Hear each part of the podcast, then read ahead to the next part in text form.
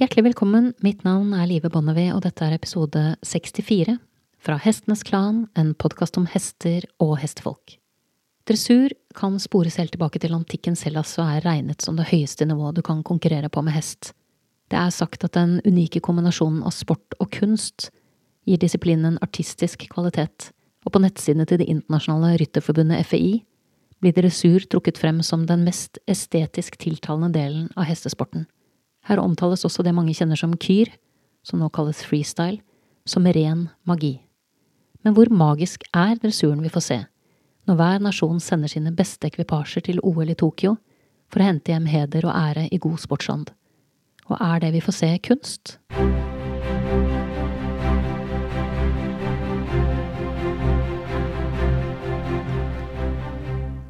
Før jeg stiller deg et viktig spørsmål som jeg inderlig håper du tar deg tid til å tenke over og besvare for deg selv, så skal jeg forsøke å svare ut dette med magi og kunst. Og for å svare på det har jeg sett alt som var å se av dressur fra OL, og deretter valgt en litt utradisjonell inngang til tematikken. Jeg jobber som forfatter og filmprodusent, så jeg har å gjøre med kunst eller forsøk på kunst hele tiden. Og det som er utfordrende med kunst, er at opplevelsen av den langt på vei er subjektiv. Et og samme verk kan oppleves veldig forskjellig, akkurat som en og samme ekvipasje kan avleses veldig ulikt, avhengig av hvem som ser. De som er på innsiden av dressursporten, vil uunngåelig se noe annet enn de som betrakter det hele fra utsiden. Sånn er det i alle bransjer. Og det gjelder også alle kunstuttrykk. Hvis vi hadde tatt for oss et eh, maleri, for eksempel, så ville det vært tusenvis av ting som vil påvirke vårt inntrykk av bildet, og vår tolkning av det. Hvor det er malt, hvordan det er malt, av hvem det er malt, hva vi tenker om motivet, fargene, tonaliteten, vår fornemmelse av komposisjonen, hvordan det er rammet inn, hvor det henger og hvordan det henger, for å nevne noe. Det samme kan sies om ekvipasjen på dressurbanen. Hvor hesten er trent, hvordan den er trent, av hvem den er trent, hva slags program som leveres innenfor rammen som er satt, hvem som holder i tøylen og hvordan det holdes i tøylen, for å nevne noe. Saken er den at verken kunst generelt eller ridekunst spesielt kan betraktes isolert.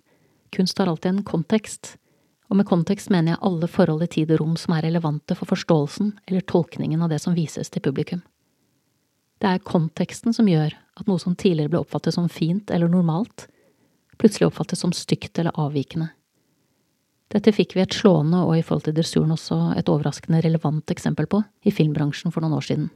Det var en stor underskog av store problemer der. Eh, det som kom til overflaten som de lettere problemstillingene knyttet til komplekset, var de sexistiske filmreplikkene og kommentarene i kulissene, som var regnet som helt gjengs og knapt hevet et øyebryn for to tiår siden. Men de lyder som et ekkelt og slibrig gufs fra fortiden etter metoo. Og det som har skjedd, er jo ikke at kvinner har blitt mer sårbare eller hårsåre. De har bare blitt sett og hørt, og ikke minst forstått og respektert på en ny måte. En måte som burde vært en selvfølge for mange tiår siden.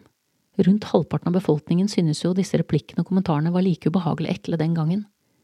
Men om vi hadde hevet røsten og forsøkt å sette ord på våre protester, så var det jo ingen som hadde giddet, eller kanskje det er riktigere å si hadde evnet å høre ordentlig etter. Og konsekvensen av å ikke bli hørt, det var jo at vi ble tvunget til å venne oss til det. Og det gjorde vi. Vi lærte å tilpasse oss, vi lærte å overse, fortrenge og stenge ubehaget ute. Vi lærte oss å leve med det, fordi vi ikke hadde noe valg. Og det interessante er at når jeg ser dressur på internasjonalt toppnivå, så ser jeg det samme mønsteret i hestene som jeg så hos mine medsøstre for noen år siden. Også hestene har måttet lære seg å overse, fortrenge eller stenge ubehaget ute. Også de har måttet lære seg å leve med noe som i mange tilfeller er for mye forlangt, fordi heller ikke de har noe valg. Og for å legge på et lag ekstra kompleksitet. For noen av dressurhestene er ikke dette bare et akseptabelt, men et godt liv. De er skolert av gode folk, med god kompetanse.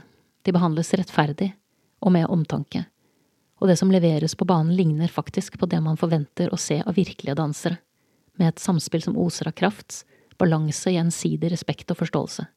Så jeg hører ikke med til dem som mener at sporten burde vært forbudt, men jeg er definitivt blant dem som mener at den må forvaltes bedre. Utfordringen er at det ikke bare er kunst som krever tolkning, det gjør sannelig lover og regler også. I loven om dyrevelferd så oppsummeres egentlig alt man trenger å vite om hestens velferd i løpet av de første tre paragrafene.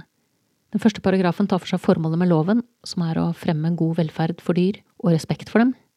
Den andre paragrafen tar for seg virkeområdet, og da er det sånn at alt som kan krype og gå på norsk jord eller i norske farvann, fanges opp av denne loven. Og så er det den tredje paragrafen, og det er at dyr har egenverdi, uavhengig av den nytteverdien de måtte ha for oss mennesker. Det står videre at dyr skal behandles godt og beskyttes mot fare for unødige påkjenninger og belastninger. Så allerede her kan man jo diskutere om ikke bare dressuren, men også ridningen generelt er innenfor lovverket. De som er på innsiden av dressursporten vil neppe være enig i at det er snakk om fare for unødige påkjenninger og belastninger, og de vil påpeke at dyrene behandles godt, svært godt, vil mange mene. Men er det godt nok i forhold til hva dyrene utsettes for? Det er fristende å gi en analyse av alle tegnene jeg ser på hester som har vært utsatt for trening, som har vært enten forsert eller for hard, eller begge deler, og hester som tydelig prøver å beskytte seg selv mot tvangsmidler og ubehag. Det er fristende å rope et varsko om firtaktig trav og hester i andre disipliner som blør neseblod på banen, men jeg nøyer meg med å stille det endelige spørsmålet mitt, et spørsmål jeg har tilført noen tall til ettertanke. Jeg har plukket meg en vilkårlig ekvipasje.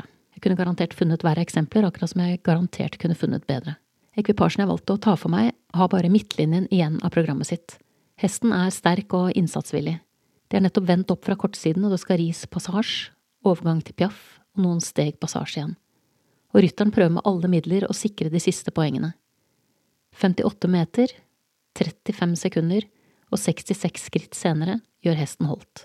Og løpet av disse meterne, sekundene og stegene opp midtlinjen har hesten fått sporene i siden mer enn 93 ganger med varierende grad av kraft. Det tilsvarer å kjenne sporene 1,6 ganger per meter, 1,4 ganger per steg og 2,6 ganger per sekund. Det ligner ikke en dans, det kjennes ikke ut som kunst, og det finnes ikke spor av magi. Spørsmålet som oppsummerer det hele for meg, er som følger. Hvor langt kan vi akseptere at det er mellom ekvipasjer som skaper magi i hestesporten, når vi vet det vi vet om hestevelferd i dag. For vi vet mer om velferd nå enn vi gjorde for noen tiår siden, og som jeg sa innledningsvis, representerer dressuren det høyeste nivået du kan konkurrere på med hest. Derfor stiller vi som publikum også høye krav til den. For det er her, på den internasjonale dressurarenaen, premisset og fundamentet for ridningen legges, før den filtreres ned til amatørklassen og rideskolene. Det er på denne arenaen vi setter standarden og hestenes velferd forsegles. Så når en av stemmene i kommentatorboksen omtaler dressurhestene som sportsutstyr med personlighet og hjerne, og deretter legger til at hester har ulike personligheter, og noen av dem gir deg ikke mer enn et absolutt minimum som skal til for at du lar dem være i fred, hvorpå makkeren ler av replikken og sier det var godt beskrevet, så tenker jeg at dette er et skremmende tydelig bilde på den kynismen hestene som konkurrerer på høyt nivå utsettes for, mens de venter på at noen, for eksempel du, skal si nok på vegne av dem. Du har nettopp hørt episode 64 fra Hestenes Klan, en podkast om hester og hestefolk. Takk til min faste komponist Fredrik Blom, og sist, men ikke minst, takk til deg, kjære lytter, for tålmodigheten. Måtte hesten for alltid være med deg.